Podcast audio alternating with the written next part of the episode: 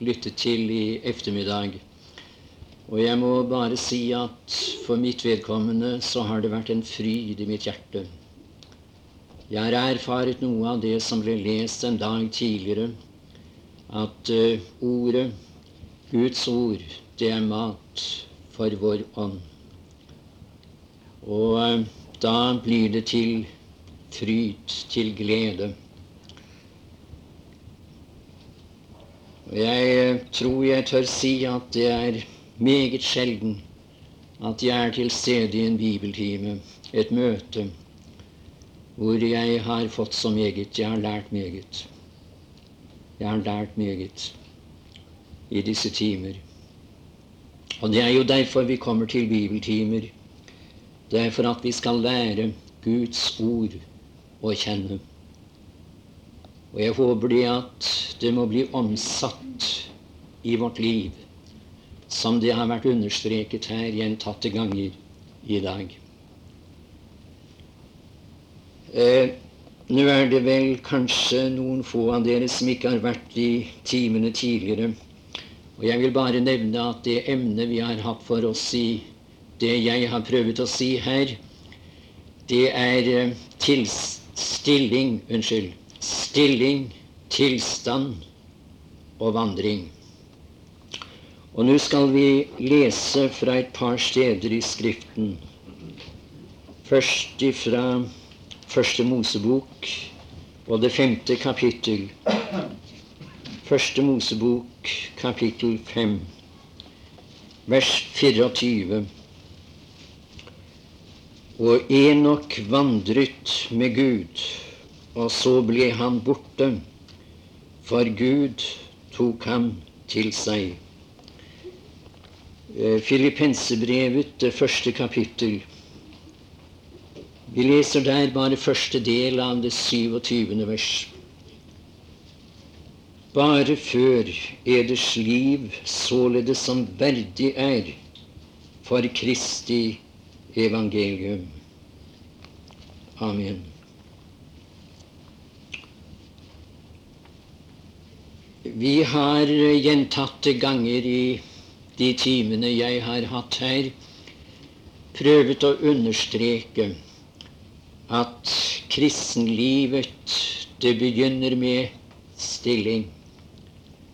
Og jeg skulle ønsket at det blant de andre ting vi har vært opptatt av, kunne sitte igjen hos oss.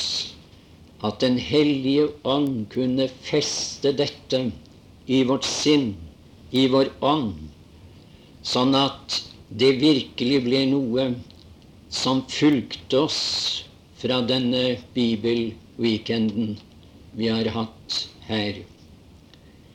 Stilling først.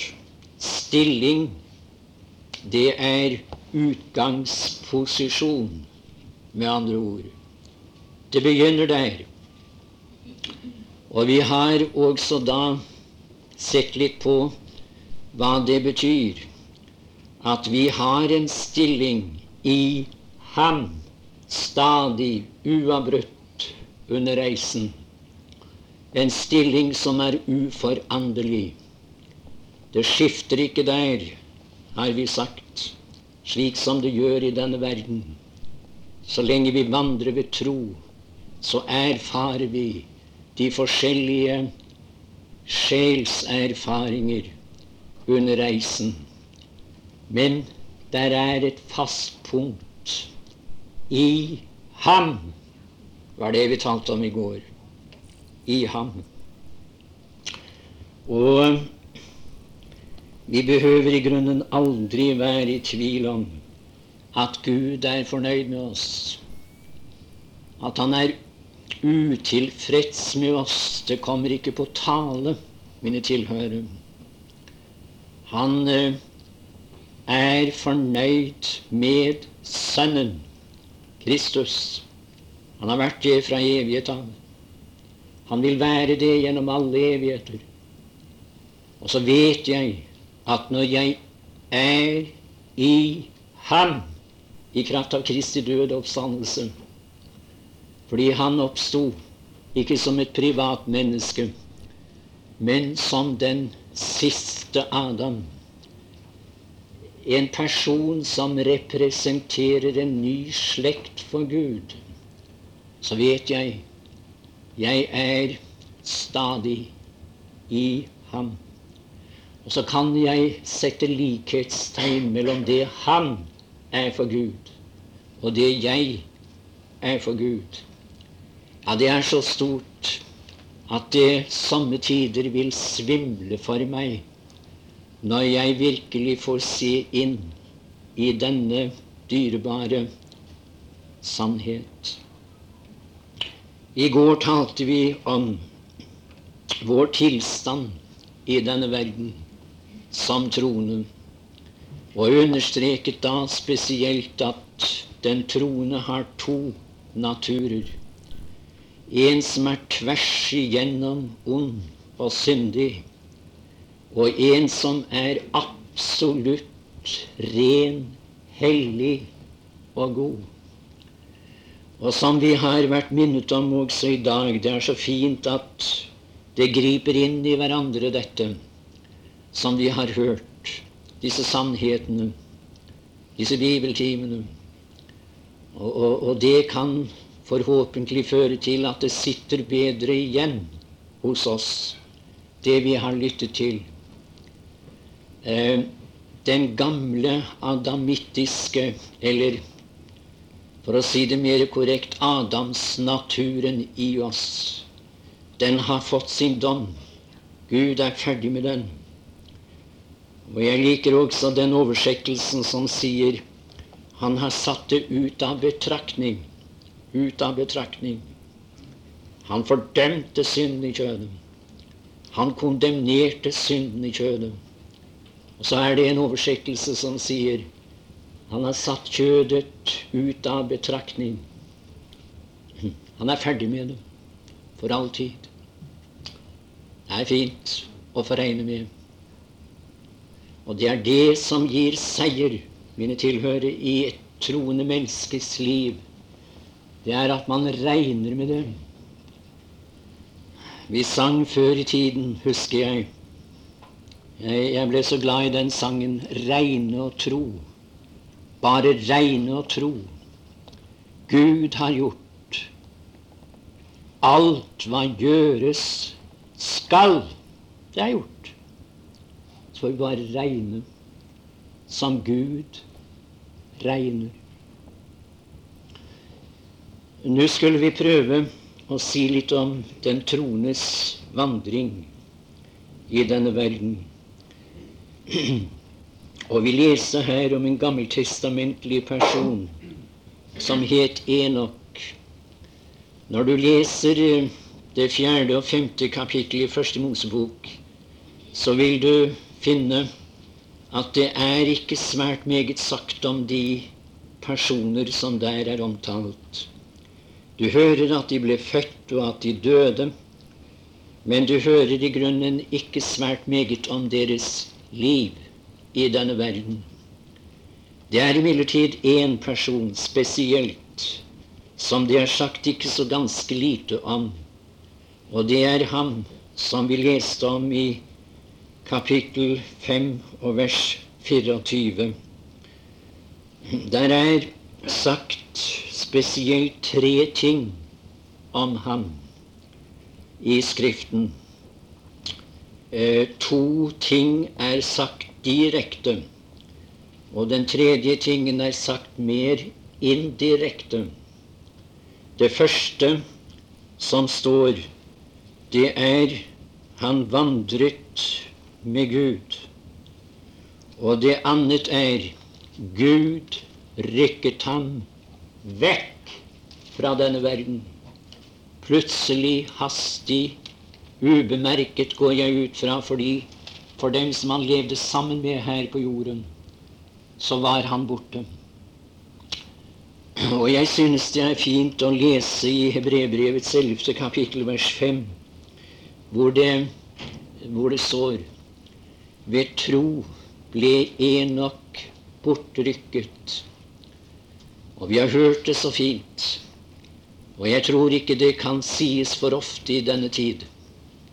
Det er det vi venter på. se frem til. Det er det som skal skje, og jeg tror det skjer snart. Alt tyder på det. Vi kan ikke gå i detalj her nå. Men la meg bare få lov å si at jeg er en av dem som venter ham. Venter den Herre Jesus. Og jeg har sagt det gjentatte ganger når jeg har talt Guds ord, og det er riktig. Jeg mener det. Det er sånn. Det har ikke gått en dag av mitt liv i de siste årene med mindre jeg har tenkt mer eller mindre på den begivenheten. Han kommer. Han kommer! Han stiger ned, og som vi hørte, vi skal få en sånn skjønn mottagelse. Når vi møter ham der i lufthimmelen, i den sfære hvor djevelen nå har sin, uh, sitt område, sitt sete spesielt er der det skal skje. Det skal snart bli en triumf i lufthimmelen. Det tredje som sies om Enok, er han ble bortrykket før vannflammen skyllet inn over denne verden. Før.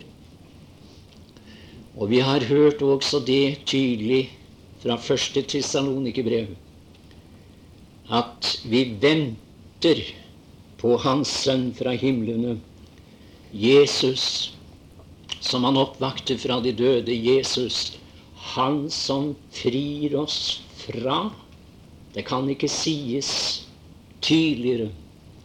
Og vi behøver ikke å være et øyeblikk i tvil om det. Og det er, som vi hørte i timen i dag, ikke noe som er kommet opp i menneskets hjerter i den senere tid, men det er noe Skriften sier det var Paulus som, inspirert av Guds ånd, skrev til disse troende i Tessalonika. Vi venter. Han skal fri oss fra den kommende vrede. Og jeg må jo si at jeg tenkte da jeg satt her og hørte i dag skulle ønsket det ble mange tomme hjem. Sto mange tomme hus rundt om i, i, i, i Randesund. Og i disse bygdene og i denne store by, Kristiansand. Når denne begivenhet har, funnet sted, ble tomt. Å er så personlig jeg, gled, jeg er så usigelig glad for. Men det skyldes ikke noe godt hos meg. Det vil jeg gjerne understreke. Men uh, jeg vet at det vil bli tomt hjemme hos oss.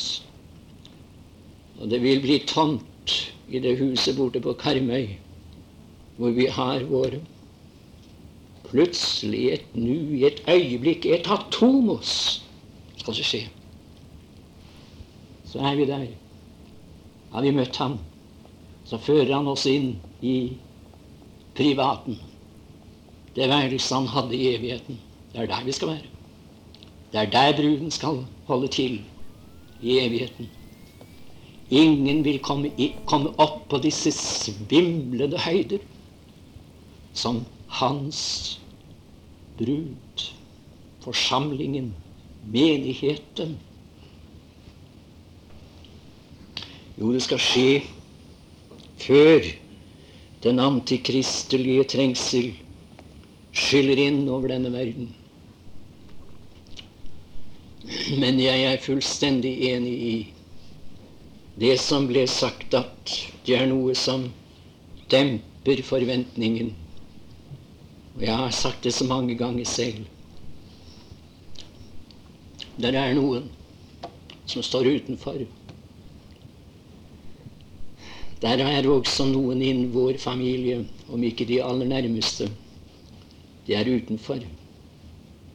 Og jeg tror vi skal tenke på dem mer enn vi gjør.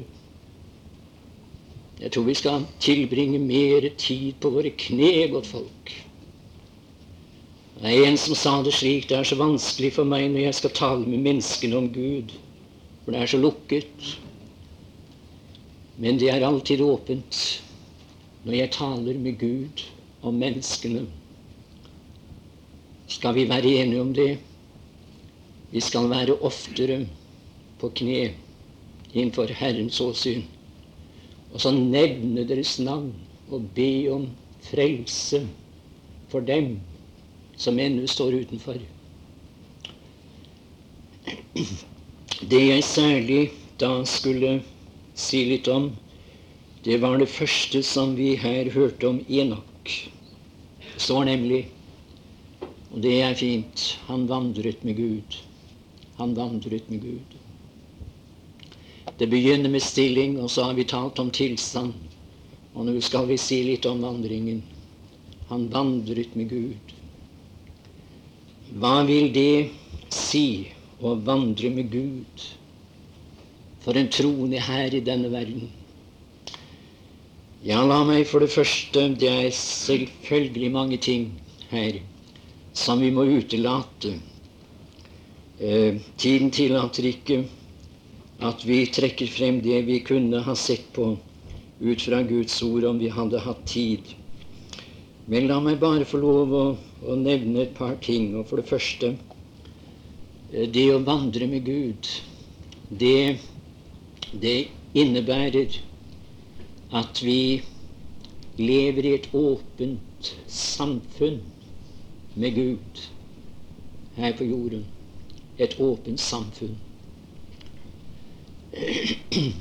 Jeg skal eh, trekke frem et par eksempler fra Skriften for å belyse dette. Og det er de to personene eh, Abraham og Lot. Eh, vi tar den sistnevnte først. Når det gjelder Lot, så leser vi en god del om ham i Bibelen. Og vi skal nå vende oss til det 13. kapittel i Første Mosebok. Det 13. kapittel. Og der finner vi at det står det ble en strid mellom Abrahams hyrder og Lots hyrder. Altså, det ble en konflikt der på reisen. Og jeg, jeg er ikke i tvil om hva som er årsaken til det. Men det kan vi kanskje finne ut hver enkelt når vi leser sammenhengen. Eh, men da ser vi troens karakter hos troens mann. Jeg synes det er så fint når det heter om Abraham.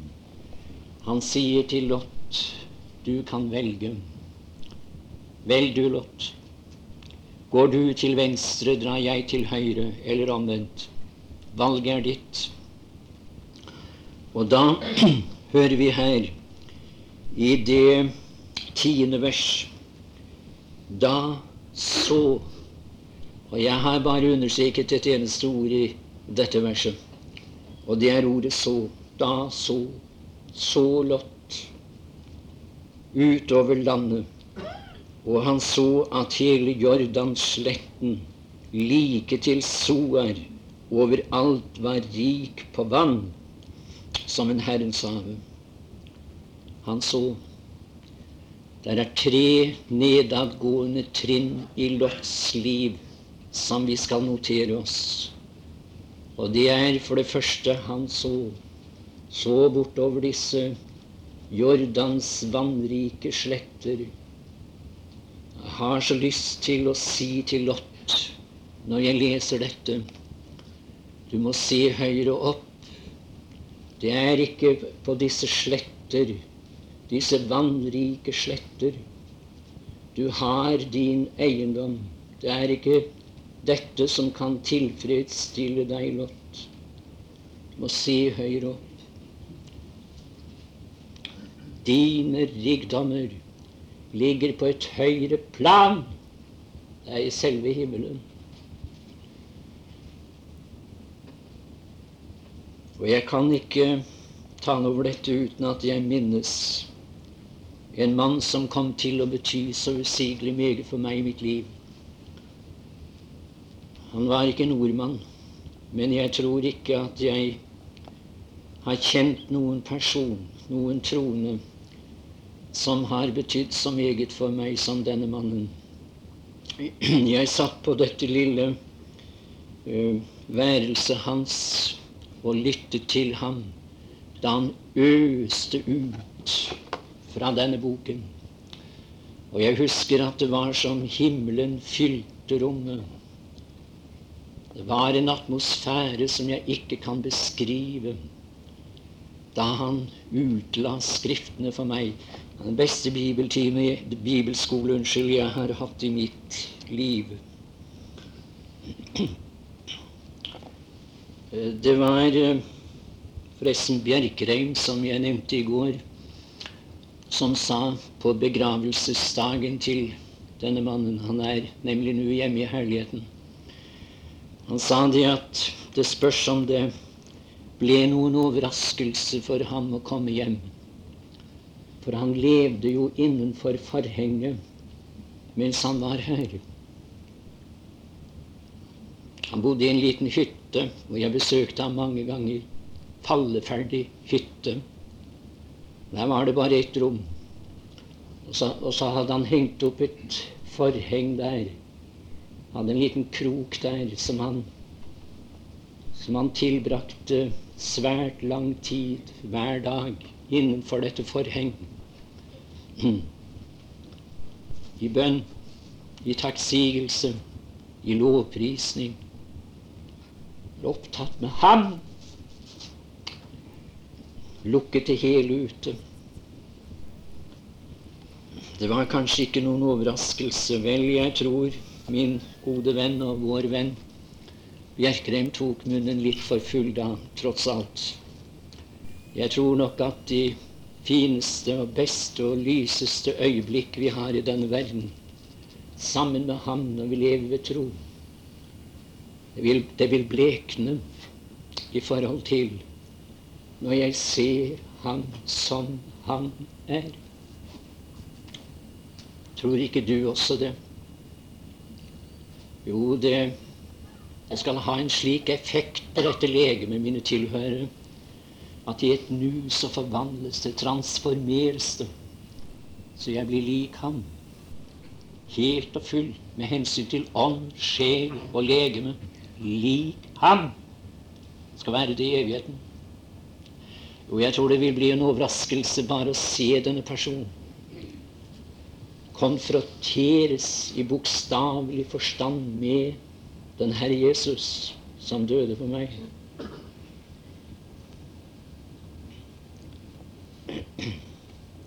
Det står her i det tolvte vers, altså første Mosebok til 13. kapittel.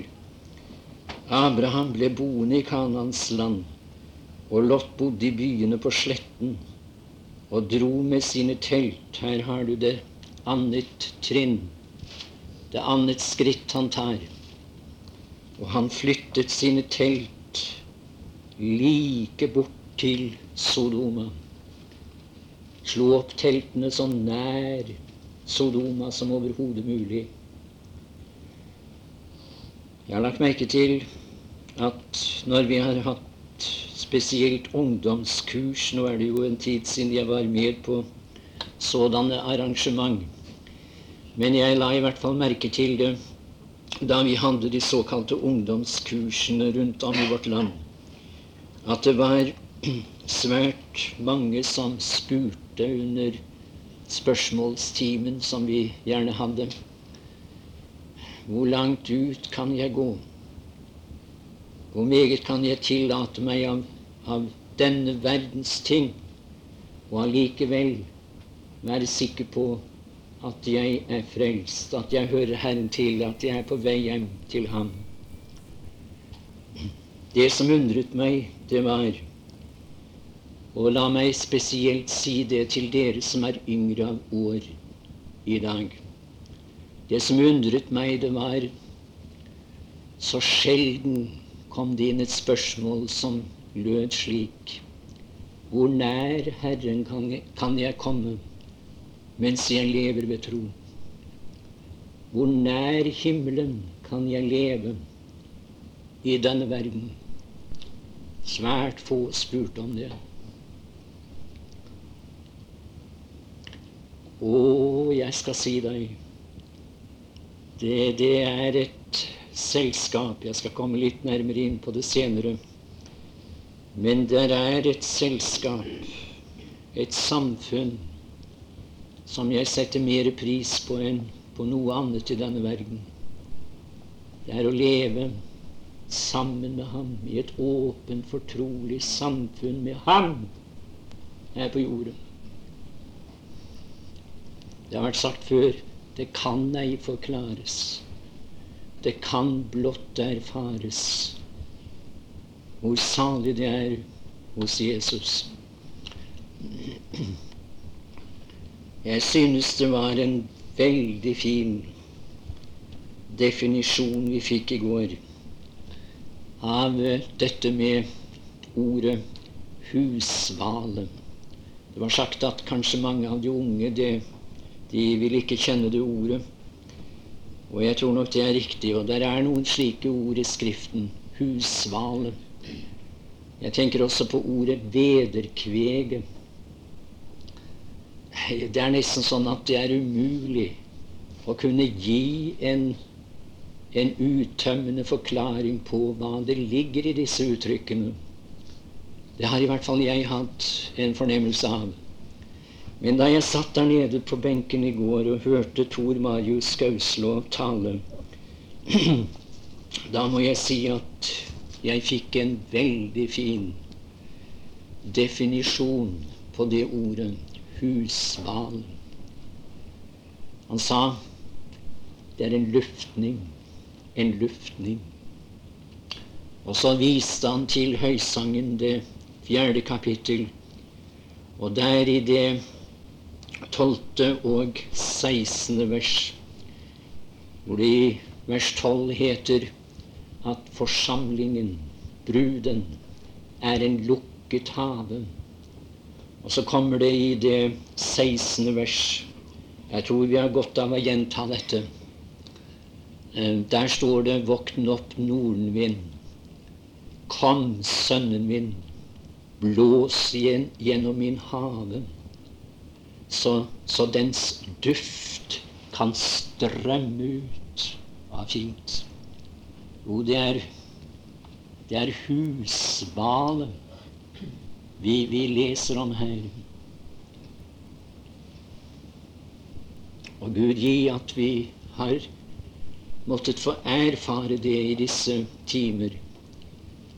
At denne luftning, denne vind som blåser, som vi hørte om fra Johans evangeliums tredje kapittel, har fått trengt inn i oss, så at det da kan strømme ut ifra oss husvalen.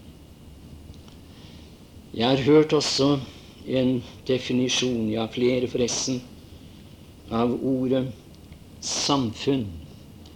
Det er en som har sagt det slik Samfunn, det er å eie og dele noe i fellesskap. Jeg er ikke tilfreds med det. For man kan nemlig eie og dele mange ting i denne verden. Men eh, det er ikke ensbetydende med samfunn. Så vidt jeg vet, i den 1978-oversettelsen så er samfunn ofte byttet ut med fellesskap. Jeg er slett ikke fornøyd. Slett ikke. La meg si det sånn, og jeg er ikke i stand til å formulere det klarere.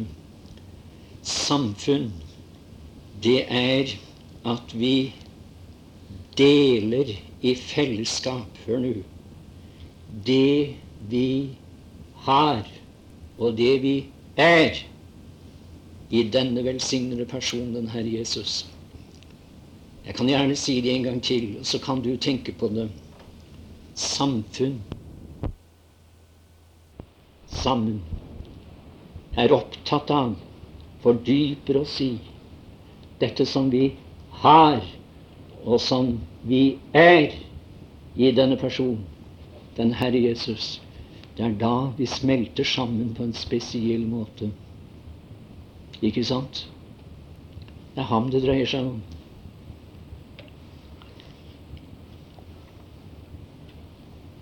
Og måtte det bli en lengsel i vår sjel, i vår ånd, det stykket av reisen vi har igjen, til å leve Ham så nær som overhodet mulig, inntil vi ser Ham som Han er.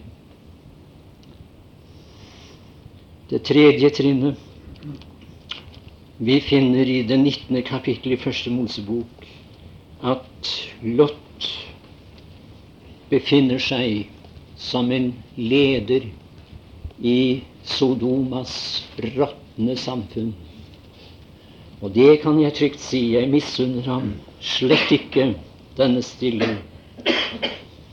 Og jeg misunner heller ikke de i dag av de troende. Nå får du si om meg og tenke om meg hva du vil. Jeg misunner på ingen måte de troende som innehar en fremskutt stilling i dette samfunn som vi lever i, i vårt land. På ingen måte. Jeg synes heller synd på dem.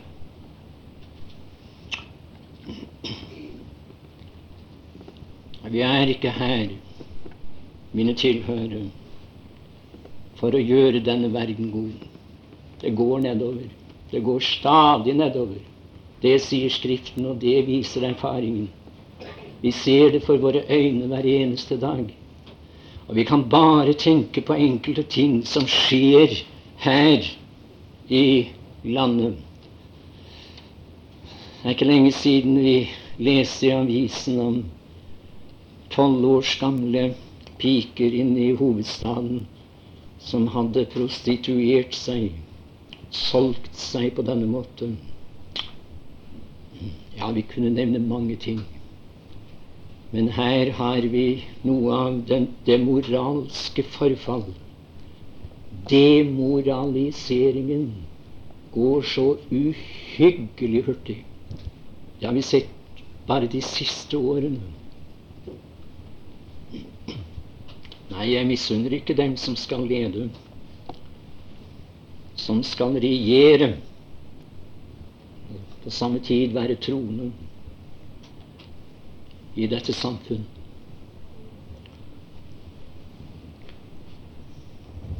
Ble det følger av dette? Ja, det ble følger.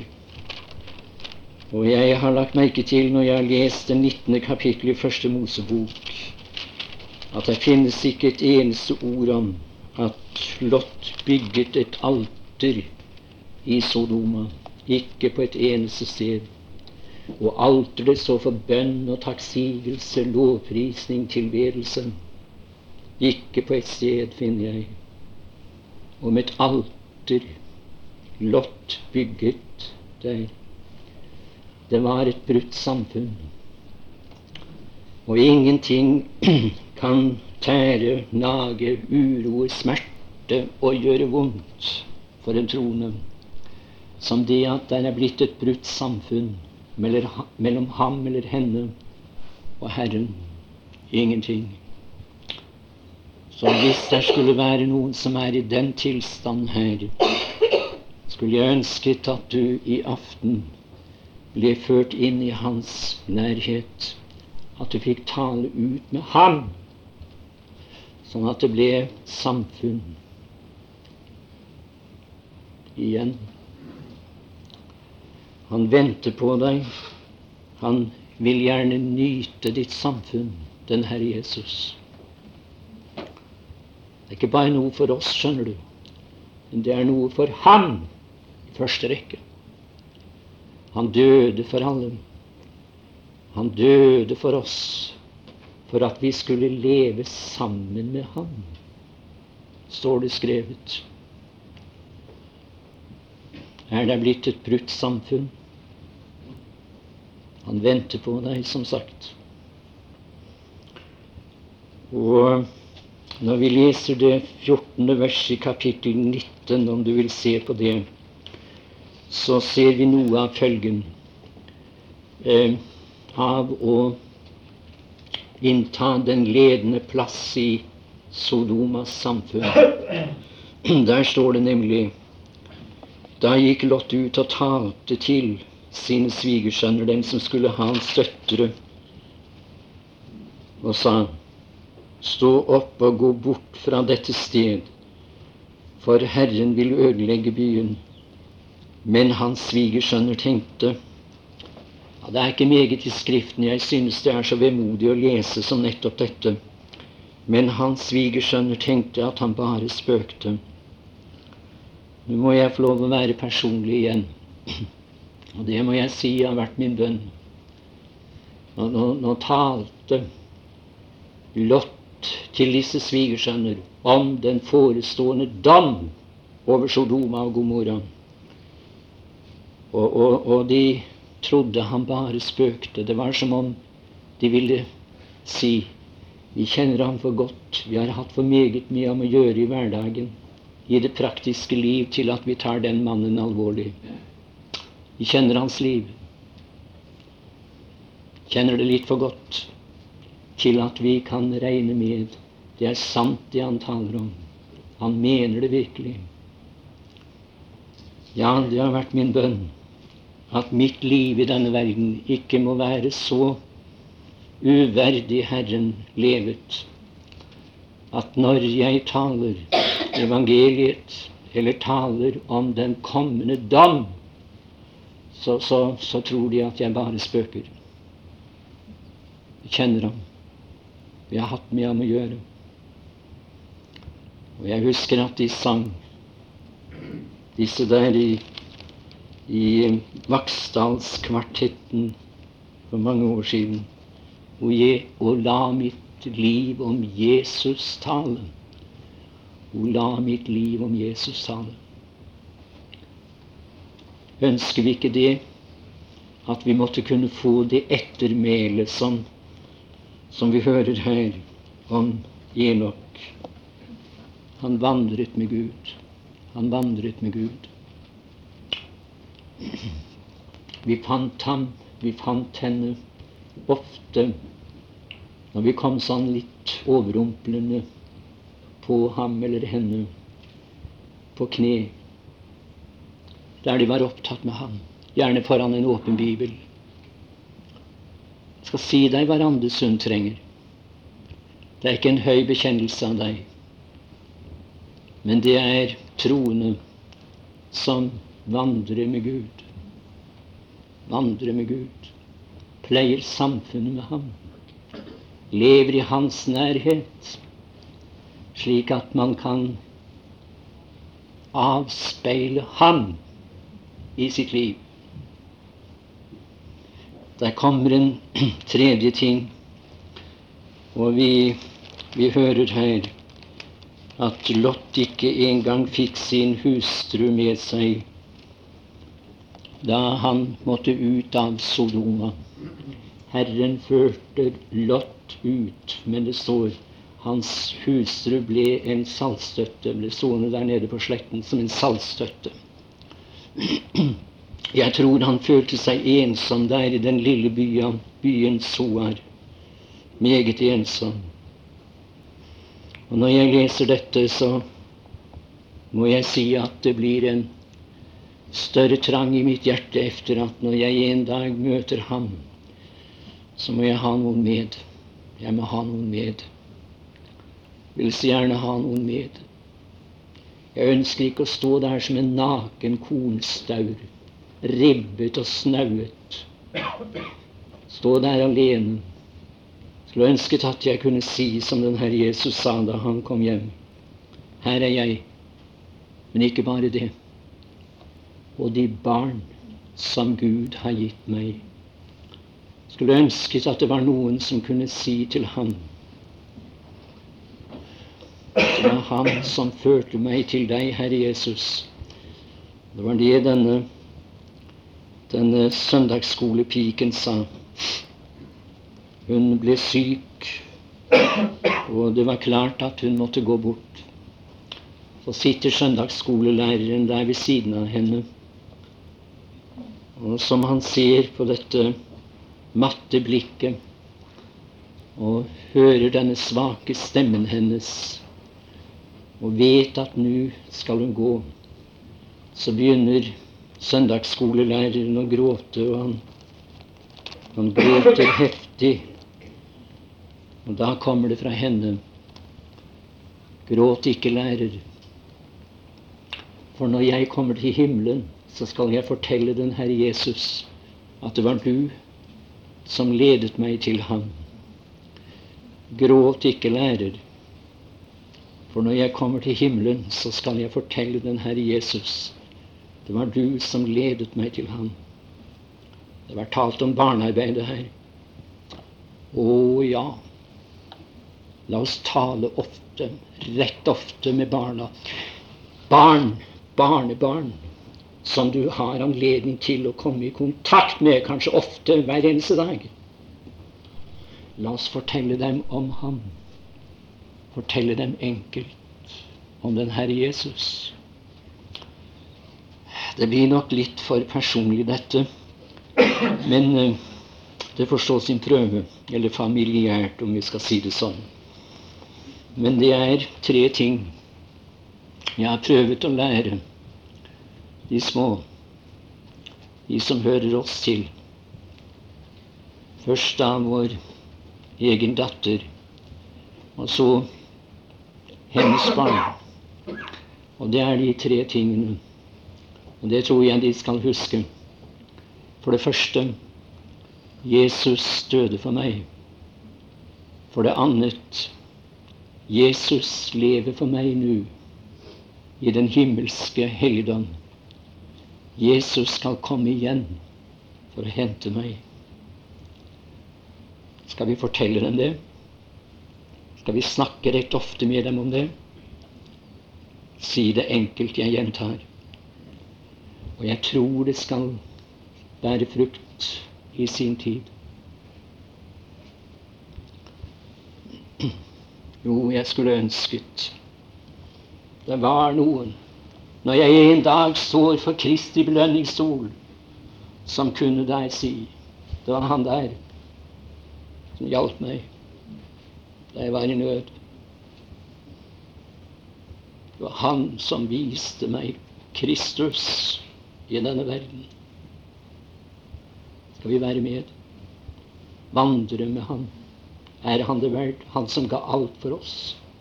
Han som uttømte sin sjel til døden. Er han det verdt at vi gir ham mer av vårt liv? At vi, at vi gir ham mer av vår tid og våre evner og krefter i denne verden. Hvor gikk Abraham?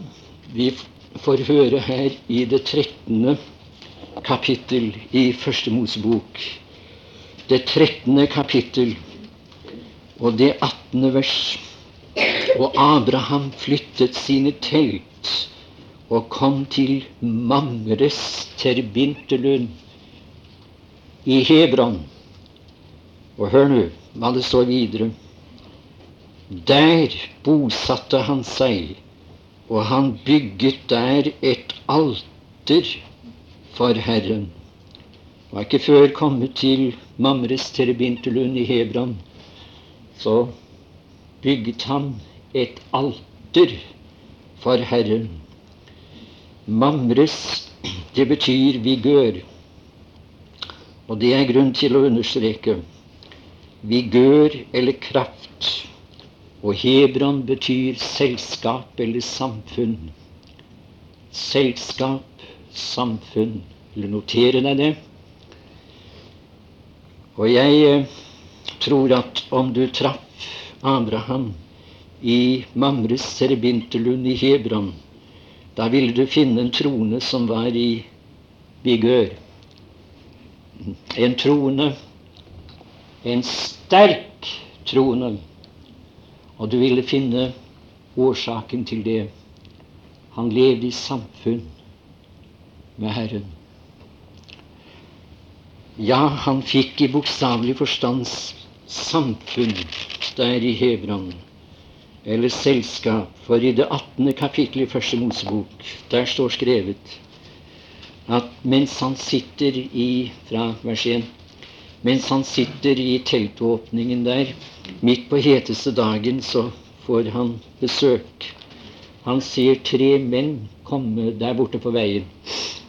Og de tre menn, det er Kristus i gammeltestamentlig skikkelse, ledsaget av to engler. Her har du de tre. De kommer på besøk, og så hører vi her at han befaler drengen om å slakte kalven, tilberede den.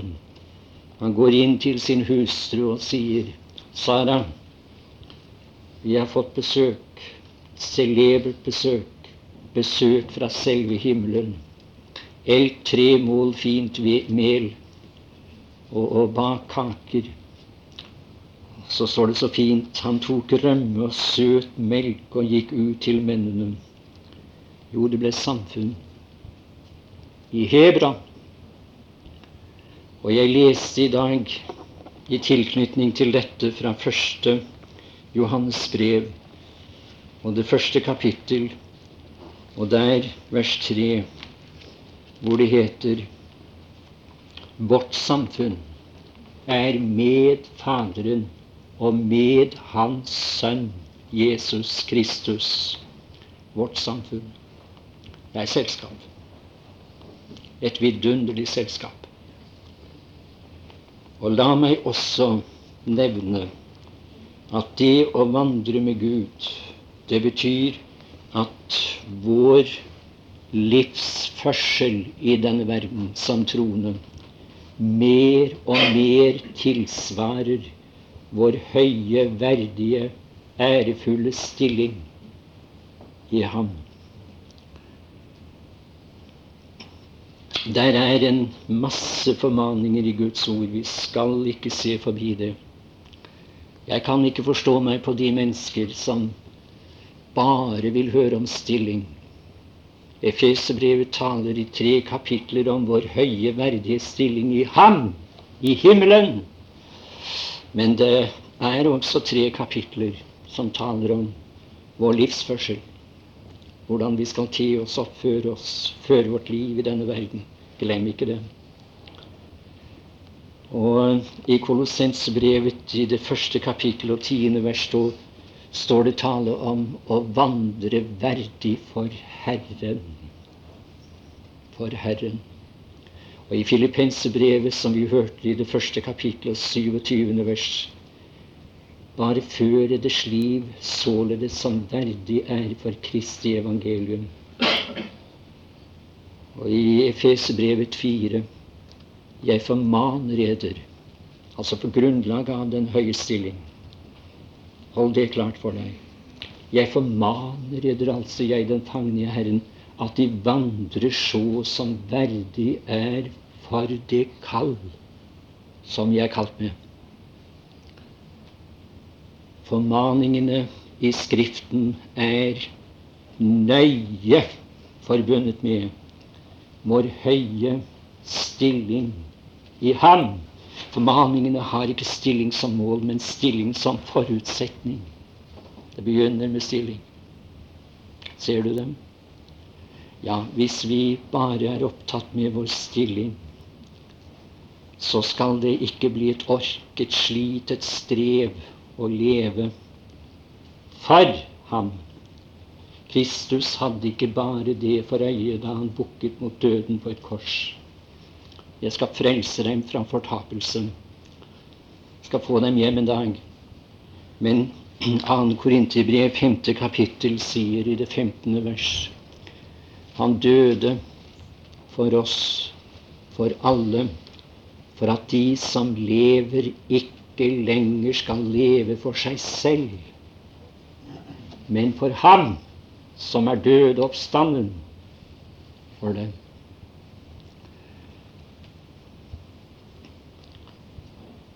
Jeg lever hellig, ikke for å oppnå en posisjon hos Gud, men fordi jeg er hellig. Og i Johans evangelium 17. kapittel, som jeg leste utover formiddagstimen i dag, der står det så uttrykkelig 'Jeg helliger meg for dem'.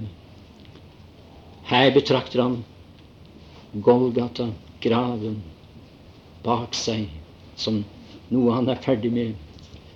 Og så står han på fallrep og skal gå hjem til herligheten, og så sier han Hør nå. Jeg helliger meg for dem, vers 19. Hvorfor det? For at de skal være helliget i sannhet. Jo, du er hellig. Derfor lever du hellig. Snu nå endelig ikke dette på hodet. Ser vi det, er vi opptatt med det, så vil vi gi ham vårt liv. Og jeg synes nesten det er litt vemodig at vi nå er kommet til en siste bibeltime under disse samværene. Men jeg må få lov å gi uttrykk for gleden over å, å ha fått vært med. Fått vært sammen med min venn Tor Marius Skauslo. Og jeg takker dere hjertelig, ikke minst for sangen som vi hørte her i aften. Den var gripende. Frelse som er fremmed for det vi her har talt om. Kom på dine kne, for dette møtet er oppløst. Ville så gjerne få lov å lede deg til ham. Ja, vår Gud, vi sier deg inderlig takk for de sannheter som vi har fått vært opptatt med og fordypet oss i i disse timer vi fått tatt sammen her. Og vi takker deg, vår Gud, at det er den Herre Jesus det har dreiet seg om. Det er Ham vi har lært å kjenne. Det er Ham som er blitt mer dyrebar for våre hjerter. Og jeg ber deg at disse sannheter må feste seg i vårt sinn ved din hellige ånd som har tatt bolig i våre hjerter, slik at de kunne følge oss ut i hverdagen. Jeg takker deg, min Gud, for at jeg skulle få lov å være en av dem som du løftet opp og la på dine skuldrer og gjorde det med glede da jeg var bare ganske et barn. Og jeg ber deg for barna rundt om her i denne bygd. Gode Gud, velsign lærere, søndagsskolelærere, barnearbeidere. Jeg ber deg at det må lykkes å få brakt evangeliet inn i barnesjelene i dag. Syng du hjemmene rundt om. Og vi takker deg i ditt verdige navn. Amen.